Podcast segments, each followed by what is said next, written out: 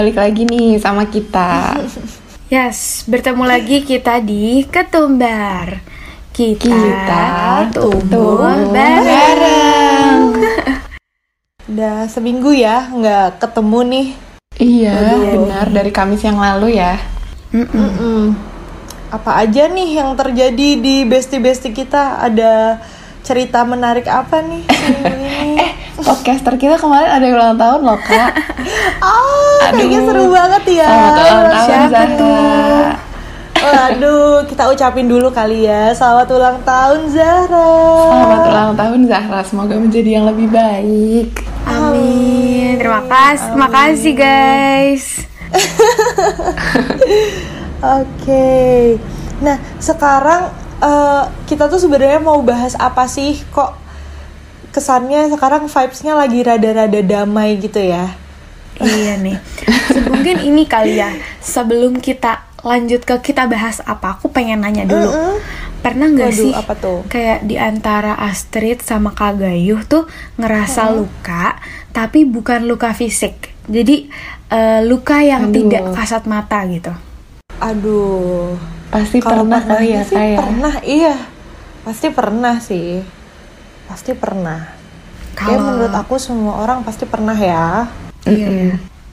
Kalau Astrid gimana nih Astrid? Aku pernah kali ya, mungkin yang aku lakuin itu pas aku lagi self healing.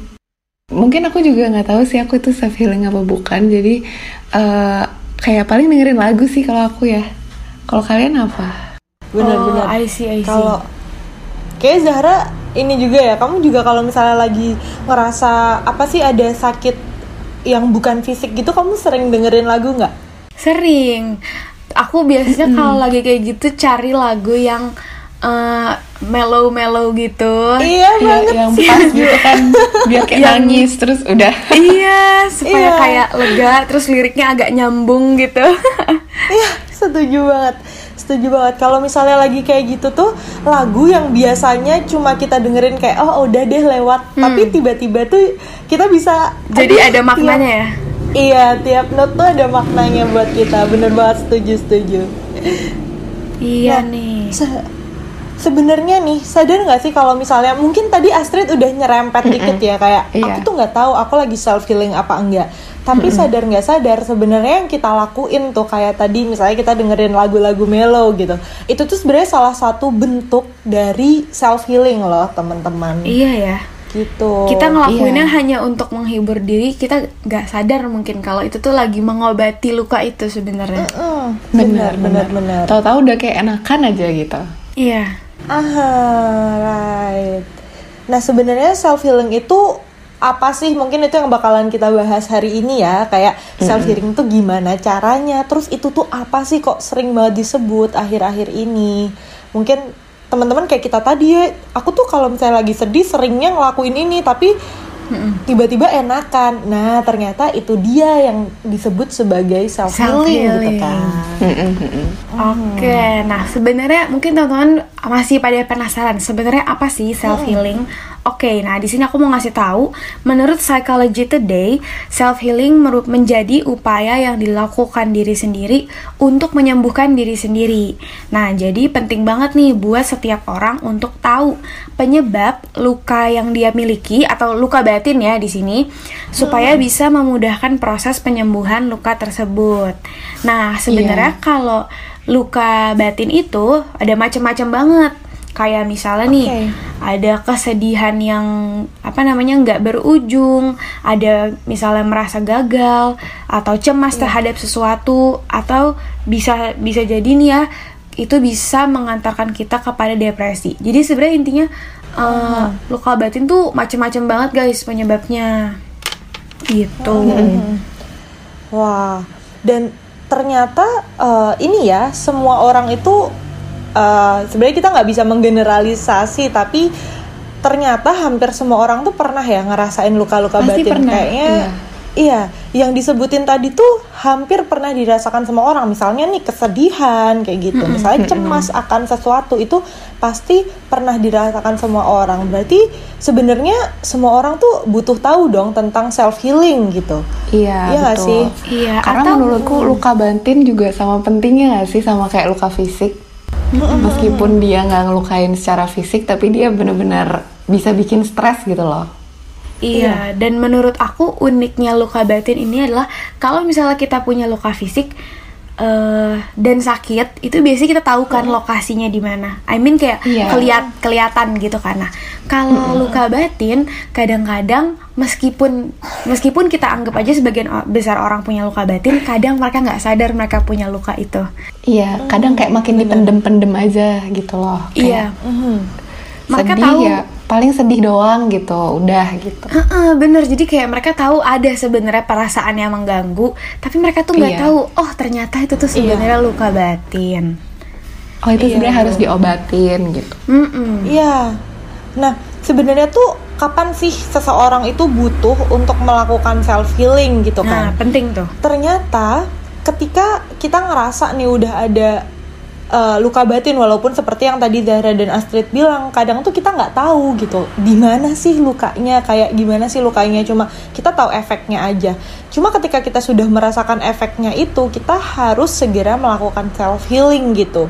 Kenapa? Karena salah satu alasannya adalah menurut uh, salah satu psikolog nih namanya adalah Muhammad Ari Wibowo luka batin itu nggak bisa disembuhkan oleh waktu kan katanya ada yang time heals ya. Kalau misalnya zaman dulu di Aksa FM suka ada quotes yang di-upload gitu tulisannya time heals gitu. Iya. cuma ternyata nih luka batin itu tidak bisa disembuhkan oleh waktu. Jadi memang harus ada upaya yang kita lakukan supaya luka batin ini bisa disembuhkan gitu ya.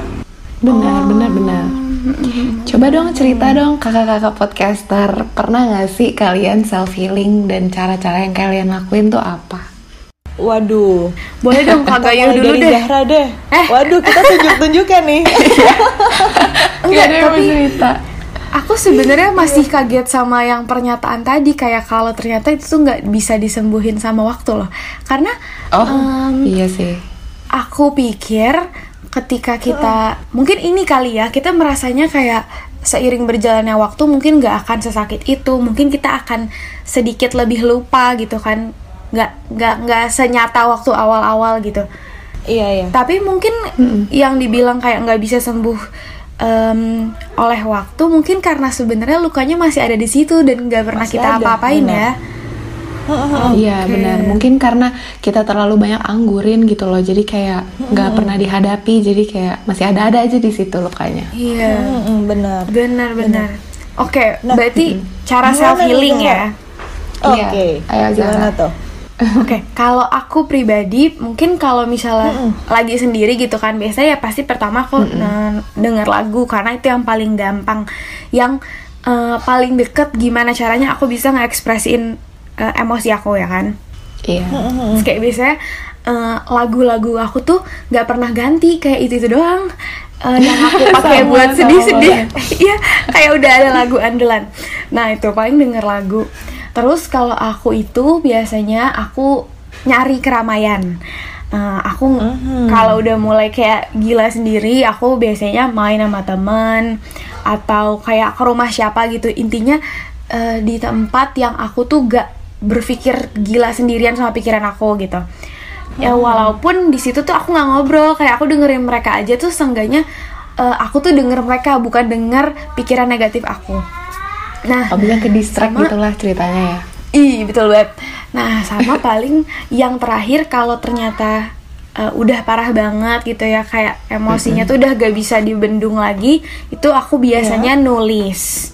Uh, Oke. Mungkin yang paling efektif nulis di kertas sih ya, kayak. Tapi sebenarnya bisa sih di notes juga gitu. Kayak aku tulis aja, aku merasa kena apa, kenapa aku merasa gitu, karena aku mikir itu bisa ngebantu pikiran aku tuh ngecoba rekonstruksi kayak kenapa sih aku bisa merasa kayak gini jadi oh kayak ketemu jawabannya kenapa aku bisa merasa cemas aku sedih aku gitu sih kalau Astrid sama Kak Gayu gimana nih Oke. Mau aku dulu Kalau- apa kakak? Oh kagak ya Astrid dulu deh. Ya udah, sweet, kita sweet. tunjuk-tunjunkan lagi deh. Kita benar-benar topiknya ya, agak sensitif ya buat cerita. Iya. iya nih. Ya udah Astrid deh, karena dari A. Oke. Eh, aku biasanya sih kalau self healing aku mungkin aku seringnya tuh merasa cemas gitu ya karena cemas pelajaran tuh kadang bisa bikin stres gitu. Jadi meskipun mau ada ujian, aku tuh kadang kalau misalkan aku udah stres banget, malah kan jadi nggak masuk gitu nggak sih pelajarannya. Jadi tuh aku kayak ya udahlah aku pakai me time sendiri buat nonton film, dengerin lagu sama kayak Zahra tadi. Soalnya meskipun kayak cuman sejam dua jam, break itu ngebantu banget buat aku kayak oh ya Iya. jadi refreshing Iya, lagi, iya. jadi seger lagi gitu loh buat belajar lagi. Terus tapi kalau misalkan kayak udah kesedihan, misalkan kayak udah bener-bener linglung dan kayak stres banget gitu, aku biasanya sih pergi sih. Meskipun gak harus sama teman-teman, aku pergi sendiri juga itu udah lumayan ngebantu aku. Kadang di mobil aja tuh enak gitu loh, ngedengerin lagu, Iya, iya. muter-muter. Meskipun gak ke mana-mana, itu tuh ngebantu banget buat aku. Mhm, Oke, kayaknya aku berusaha buat menyambungkan ya dari tadi kita bahas tentang luka batin tuh nggak bisa sembuh sendiri, terus cara-cara self healing. Nah, Iya. Eh, seperti biasa karena aku banyak cerita, kayaknya aku butuh cerita dikit nih ke bestie bestie. Boleh Jadi tuh tentang luka batin tuh nggak bisa sembuh sendiri. Itu kalau menurut aku bener banget. Mungkin ini bisa menjawab keingintahuan Zahra juga ya. Kayak tadi kan Zahra sempat tanya nih kok pernyataannya gitu? Gitu. Jadi dulu aku sempat di masa yang aku tuh uh, punya masalah gitulah sama orang. Tapi udah nggak apa-apa gitu. Sebenarnya tuh udah nggak apa-apa sama sekali. Kita ngobrol udah oke kita apa udah oke.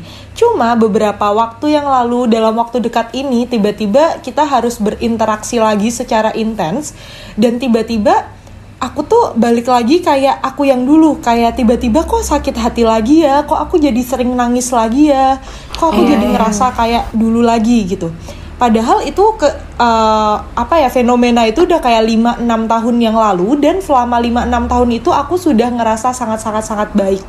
Tapi ternyata karena aku tidak pernah melakukan eh, penyembuhan ya ibaratnya kayak aku Iya. cuma ya udah deh kita berdamai aja ibaratnya pikiran aku begitu tapi aku tidak pernah menyelesaikan masalah itu sendiri terus waktu kita harus berinteraksi lagi nih secara intens tiba-tiba lukanya itu kayak kayak luka belum sembuh tiba-tiba dikasih garam Aduh. jadi kayak aduh Perih banget nih? gitu ya. Iya. contohnya agak serem ya coba eh, penggambarannya kayak gitu teman-teman tiba-tiba kaget gitu kan kayak aduh kok sakit lagi ya padahal udah lama gitu nah akhirnya aku menyadari gitu oh ternyata yang namanya luka tuh memang bagaimanapun tetap harus disembuhkan kita cuma ibaratnya berusaha untuk nggak megang luka itu aku berusaha untuk jauh-jauh dari luka itu 5-6 tahun ya sewaktu-waktu itu dipegang ya tetap sakit lagi kan. Karena 5-6 tahun tidak menyembuhkan luka itu sendiri kalau aku tidak melakukan apa-apa gitu. Terus Iya, akhir-akhir ini aku lagi berusaha sih buat eh, gimana ya caranya aku bisa berdamai tapi yang sambil me- apa ya sambil menyembuhkan luka itu sendiri. Jadinya nggak cuma berdamai di mulut doang kayak wah aku udah udah damai nih aku udah oke. Tapi bener-bener gimana caranya aku ngerasa oke aku fine kok sama masalah ini. Aku udah toh orangnya juga udah oke oke aja gitu loh masalahnya kita Iya, udah iya. berhubungan baik juga kan gitu.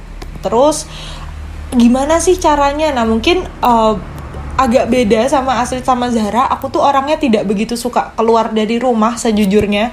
Aku sangat cinta di Anak dalam rumahan kamar. ya. Iya, sangat sangat sangat. Aku bener-bener sangat sangat suka di dalam kamar aja. Jadi biasanya aku lakukan itu adalah dengan meditasi sih. Aku berusaha buat mindful gitu. Waduh. Jadi Nah, biasanya aku ya udah duduk gitu, duduk sambil memejamkan mata. Kadang-kadang kalau lagi sakit banget berusaha buat butterfly hug ya, kalau misalnya teman-teman tahu I nih, see. berusaha buat butterfly hug gitu. Terus atur nafas, relaksasi 555 itu juga salah satu teknik yang aku pelajari di YouTube sebenarnya. Relaksasi, berusaha mindful. Jadi, aku berusaha untuk merasakan dulu gitu rasa sakitnya kayak mana sih nih Menerima. yang sakit Yes, bener banget. Karena seperti yang kita omongin di awal, kita tuh harus tahu dulu nih sebenarnya tuh yang mana sih sakitnya biar proses penyembuhannya jadi lebih mudah, ya kan? Setuju. Iya, benar-benar. gitu jadinya aku berusaha mindful dan biasanya ini yang paling unik aku sangat suka ngobrol sama diriku sendiri di depan cermin jadi aku sangat-sangat sering gitu di depan cermin uh, ngobrol gitu bener-bener karena aku suka ngomong ya jadi di depan cermin aku suka yang kayak uh, gayuh kamu kenapa sih kok kayak gini lagi gitu atau Gayu sebenarnya kamu ngerasain apa sih gitu dan alhamdulillah belum pernah dijawab sampai sekarang Serem banget. Serem ya kak, jadi film horor ya. Takut. Oke, lanjut lanjut. kalau suatu saat tiba-tiba dijawab nggak apa-apa kok gitu mungkin aku habis itu selesai ya udah nggak Iya. mau lagi deh Udah, berdialog Tutup, tutup semua cermin di rumah. tutup langsung trauma ngobrol di cermin untungnya sampai sekarang masih masih aman dan kadang tuh aneh ini nggak tahu sih ini kayaknya agak over pede juga. Cuma kadang ketika kayak gitu terus aku lihat muka aku sendiri gitu aku suka yang kayak tapi kamu hebat juga ya Yuh ya kalau dipikir-pikir. Akhirnya aku pede lagi kayak oh ya udah deh nggak apa-apa. Emang namanya Keren hidup ya banget. naik turun naik turun Iya, gitu. mm. jadi kadang aku berusaha lihat diriku sendiri kayak wih ternyata hebat juga nih orang kayak gitu. Dan akhirnya membaik gitu. Eh, eh, eh, eh tapi aku mau nanggepin yang ngomong di kaca itu ya. Kayak mungkin kalau misalnya orang yang istilahnya kayak belum ngerti atau kayak belum pernah dengar tentang kita ngomong sendiri itu ini ya berarti jatuhnya self talk ya? Kayak iya ha, benar-benar. Nah itu tuh aku pernah Bener baca kalau self talk itu tuh bagus banget loh teman-teman. Eh, jadi Iya, dengan pasti cara sih. Iya kayak yang Kak Gayu tadi bilang ngomong sama kaca ngomong ke diri sendiri mungkin kedengerannya kayak gila kayak iya ngapain lo ngomong sama diri sendiri gitu kan tapi sebenarnya eh, mungkin umpamanya gini loh kayak kamu aja mau mencoba memahami seseorang dengan berkomunikasi. Nah, kalau kamu mau memahami diri kamu sendiri, siapa yang diajak komunikasi? Berarti diri sendiri juga Benar. kan? diri sendiri Masa iya. mau diem-dieman kan? Iya, dan bener Iya. banget. Jadinya kayak ketika kita ngobrol kan eh, apa ya kita jadi makin sadar kita kenapa, terus makin Iya. memahami juga, terus kayak tadi jadinya jatuhnya apa? Mengapresiasi diri sendiri. Itu bagus banget sih kak. Iya. Cuma untuk sampai uh, dulu ya sebenarnya aku kan udah sering melakukan self talk tuh dari lama. Cuma seperti yang Zahra bilang, dulu kalau aku cerita sama orang tuh dianggapnya aneh karena kok nih orang ngobrol sendiri ya di kamar mandi lama lagi kayak lagi pidato gitu. Tapi sebenarnya yang aku lakuin adalah aku berusaha buat apa ya? Aku tuh pengen tahu dari sisi Anggayuh yang lain itu sebenarnya ada apa sih kayak gitu. Nah, itu tetap perlu dilatih ya dan menurut aku eh, cara self healing kita tuh kalau dilihat-lihat berbeda-beda nggak sih? Iya kan dari Zahra, Macem-macem. Astrid, sama aku kita punya Iya. cara self healing yang berbeda-beda. Yang pas sama diri sendiri. Mm-mm, benar. Bener banget. Karena Bener pasti banget. semua orang punya caranya sendiri kan, nggak mungkin disamain. Bener. Nah, kalau misalnya ini nih Astrid sama Zahra mungkin aku nggak tahu ya kalian ngikutin atau enggak. Ada salah satu tren di TikTok itu adalah eh, kalau misalnya yang disebut healing itu pergi ke pantai terus backsoundnya lagu indie. Nah itu bener nggak sih sebenarnya self healing tuh harus seperti itu? Masa iya ya? Aku tuh, aku tuh masa mikirnya gak, gak, gak masa di semua rumah orang ada pantai tiba-tiba. Oke. kan Setuju, kita kalau setuju. ke pantai harus jauh ya. Aku dari BSD gitu harus ke mana dulu nyari pantai. Kasihan banget mau self healing nyari-nyari pantai. Betul banget. Nah, tapi hal uniknya adalah em, kalau mereka pergi ke pantai, aku dengan nge-save video itu, itu heal aku loh. Ikutan. Eh, Iya. Aku Kayak pemandangan sih ya. Iya, aku ini, Enak aku gitu. orangnya pantai kan daripada gunung. Ini fun fact aja. Nah, terus habis itu, jadi setiap aku lihat eh, video orang yang kayak lagi, misalnya ada lagunya, terus kayak lagi di pantai, itu tuh menurut aku menenangkan aja. Jadi akhirnya aku save video itu, aku keep ketika aku nggak kena, aku lagi kenapa-napa ya, aku nonton itu gitu. Jadi oke, aku nggak perlu jauh-jauh ke pantai, tapi video itu Iya, membantu. iya. Iya iya. Boleh, boleh. Tips and trick ya guys. Jadi nggak usah Iya, jauh-jauh ke pantai. Jadi ada pantai low budget ya. Iya, pantai virtual. Iya, pantai virtual, bener banget.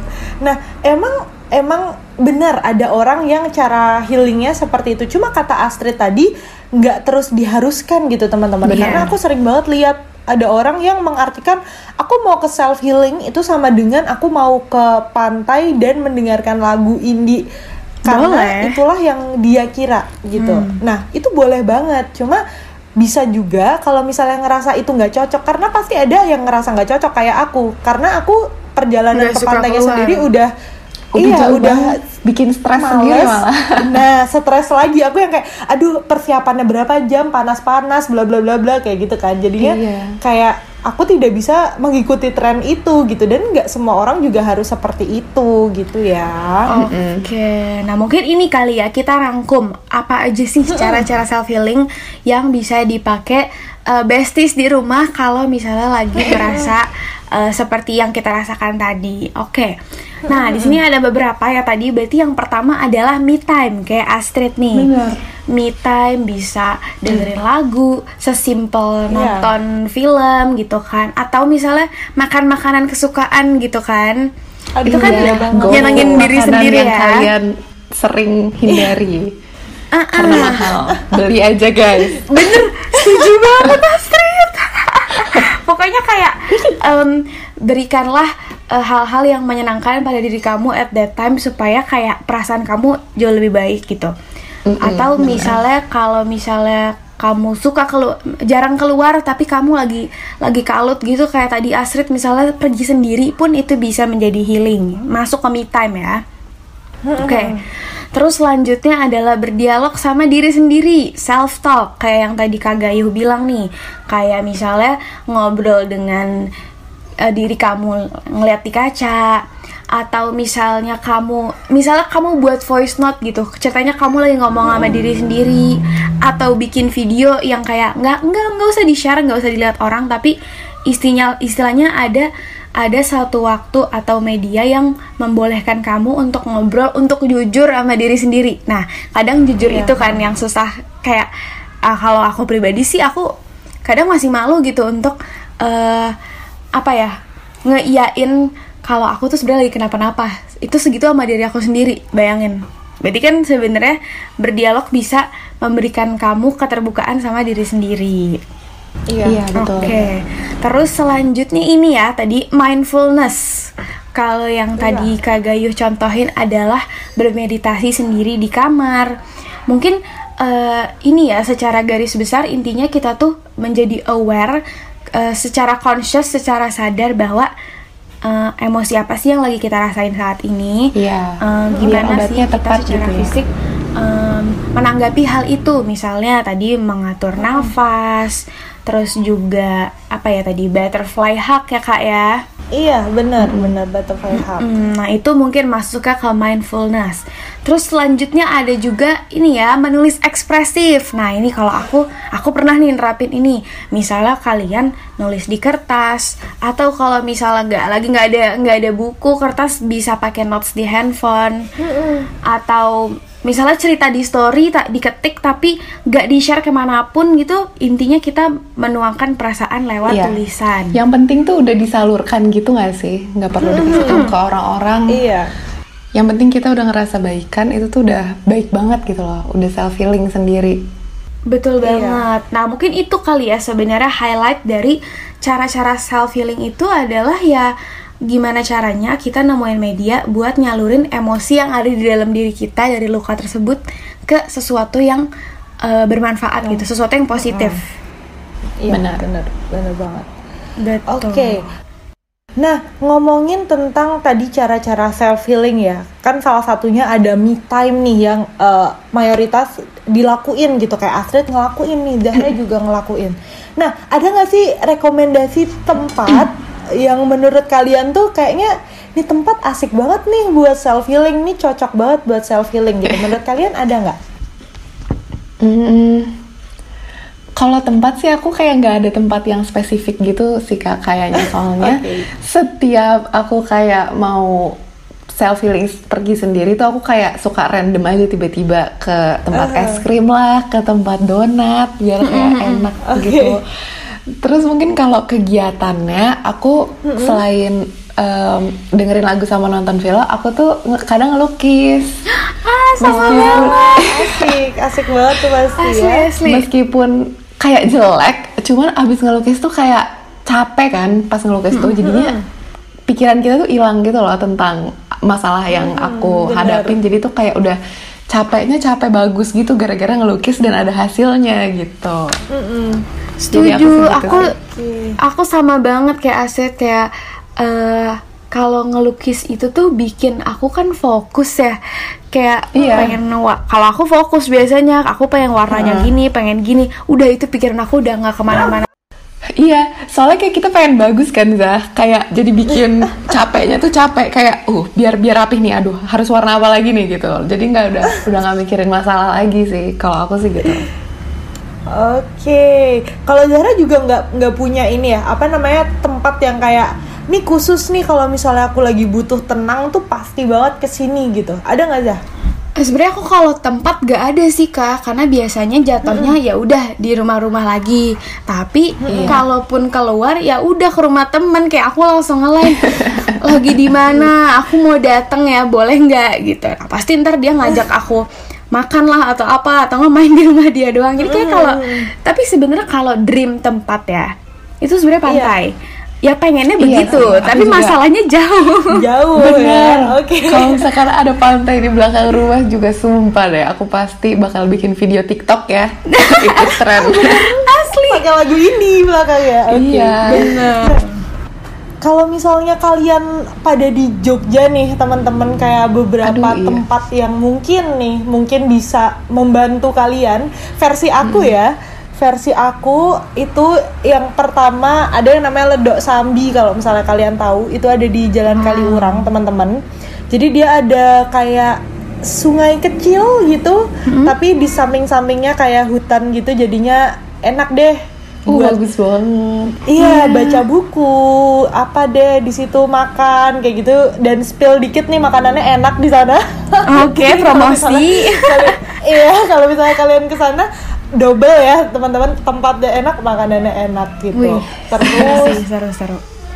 apa ya di Jogja lagi nih? Mungkin uh, teman-teman UGM Wisdom Park kalau misalnya kalian ada waktu besok-besok main deh ke Wisdom Park bisa ke sana lewat jembatan yang hits itu cuma kalau bisa jangan terlalu malam ya kalau misalnya terlalu Oke. malam ntar ketemu sama yang hits juga Aduh, aduh, nggak aduh. jadi ke sana lagi gitu oke Oke, oke. terus satu satu tempat lagi kali ya menurut rekomendasi dari aku kalau misalnya aku nih biasanya ini random tapi aku suka banget ke uh, Malioboro dan alun-alun sebenarnya. Hmm. kenapa? Karena eh, gini ketika kita ke Malioboro dan alun-alun kebanyakan itu orang-orang kan lagi liburan ya dan bersama keluarganya atau orang-orang terdekatnya lah. Teman pacar dan Iya. lain sebagainya. Dan ekspresinya tuh selalu bahagia. Yang itu ya itu yang aku perhatiin ya pasti aja ada anak kecil yang seneng karena dibeliin apa sama orang tuanya ada yang lagi sayang sayangan nih Waduh. apa ada ketawa sama temennya nih foto-fotoan Malioboro. iya Iya bener-bener. itu ternyata nih dikelilingi hal-hal seperti itu tuh bisa bikin mood kita jadi positif gitu karena kalau aku ngelihatnya kayak enak ya liatnya orang-orang bahagia. Masa aku nggak nggak bahagia juga sih kayak gitu. Jadinya ketika di Malioboro terus lihat semua orang bahagia tuh rasanya kayak aduh enak ya dikelilingi kebahagiaan gitu. Itu sih rekomendasi tempat dan kegiatan dan sedikit apa ya tempat-tempat oke di Jogja menurut aku. Begitu. Aduh, aku nggak sabar Masukin banget sih jadinya. ya ini. Iya sama Pengen ke Jogja. Lama banget sih di pandemi. Kayak buru-buru ke Jogja. Gila, street gak sabar gak sih? Pengen buru-buru OTW sekarang juga. parah. Karena tuh aku inget karena aku dulu sering waktu pas GTC kayak ada acara dari apa dari SMA aku tuh aku tuh kayak menyelinap dari hotel gitu malam-malam Keluar. sama teman-teman aku buat ke Malioboro itu Sama banget. seru banget parah kangen Gila, emang vibesnya beda sih. beda beda banget Seneng aja. nggak ada di sini iya kayak kebahagiaan Iya, gila ini kayak ini ya testimoni turis banget ya kedengerannya. Maaf ya teman-teman. malu deh Iya. Eh, tadi kita udah ngomong-ngomong dengerin lagu nggak sih ke besties besties buat healing. Nah besties mungkin besties besties kita ini mungkin masih nggak tahu nih lagu-lagu apa sih yang bisa didengerin kalau buat self healing. Iya. Ya nggak sih. Iya. Tapi tenang guys, karena kita udah bikin playlist buat kalian. Yo, banget. Nanti nanti mungkin kita bagiin linknya kali ya. Di sini aku sebutin ada bit.ly eh, garis miring PL self healing gitu dari ketumbar. Ya, setuju banget. Atau kalau kalian mau langsung search aja di Spotify, bisa langsung search Self Healing by Ketumbar. Nah, nanti di situ akan ada satu playlist. Insya Allah ketemu ya. Uh, uh, isinya adalah lagu-lagu healingnya tim Ketumbar nih, nggak cuma kita berdua doang. Eh, dari teman-teman yang lain juga masukin lagu-lagu yang sekiranya membantu mereka ketika lagi healing. Mm-mm. Nah kalau misalnya kalian dengerin nih, terus sebenarnya kalian lagi pengen tahu nih, misalnya Zahra tuh sukanya dengerin musik kayak apa sih? Dengerin, dengerin playlistnya ya, dilihat Waduh. artisnya, terus kayak oh ternyata gitu, itu spill-spillan kecil lah gitu. Siapa tahu ya nanti kalian bisa nemu lagu yang ternyata kayak oh ternyata aku nggak pernah denger artis ini ternyata cocok sama aku Iya. ya nggak sih? Iya, bener-bener. bener. Kadang tuh seru tahu ngeliat-liat playlist orang tuh kadang biar kayak dapet lagu baru. Iya benar-benar. Oke Karena deh. lagu-lagu aku tuh itu itu aja, itu itu aja terus. Iya sih bener sih street sebenarnya aku juga sama aja. Cuman kayak kadang-kadang kalau deng- ngelihat orang denger apa, aku penasaran. Oh ternyata nemu satu satu. Iya, iya gitu bener. Nambah deh jadinya. Iya deh. Nah, mungkin itu kali ya pembahasan kita tentang self healing dan mungkin kalau misalnya untuk cara-caranya itu tadi teman-teman bebas banget mau selain cara yang tadi kita saranin. Eh, dan Betul. menurut aku juga kalian sendiri loh yang tahu apa sih yang bisa nyenengin perasaan kalian sendiri. Nah, jadi Di mungkin custom aja guys. Iya, benar-benar. Perasaan masing-masing. Yes. Nah, semoga pembahasan kali ini bisa bantu kalian untuk mengobati luka batin yang mungkin gak kelihatan tapi sakitnya masih kerasa, gitu kan? Eh, jangan lupa juga untuk buka playlist kita di bit- bit.ly eh, garis miring PL Self Healing di Spotify. Dan tunggu kita lagi di Kamis depan malam jam 8 hanya di Ketumbar. Kita, Kita tunggu bareng. Makasih guys. Dadah. Dadah. Sampai ketemu lagi ya.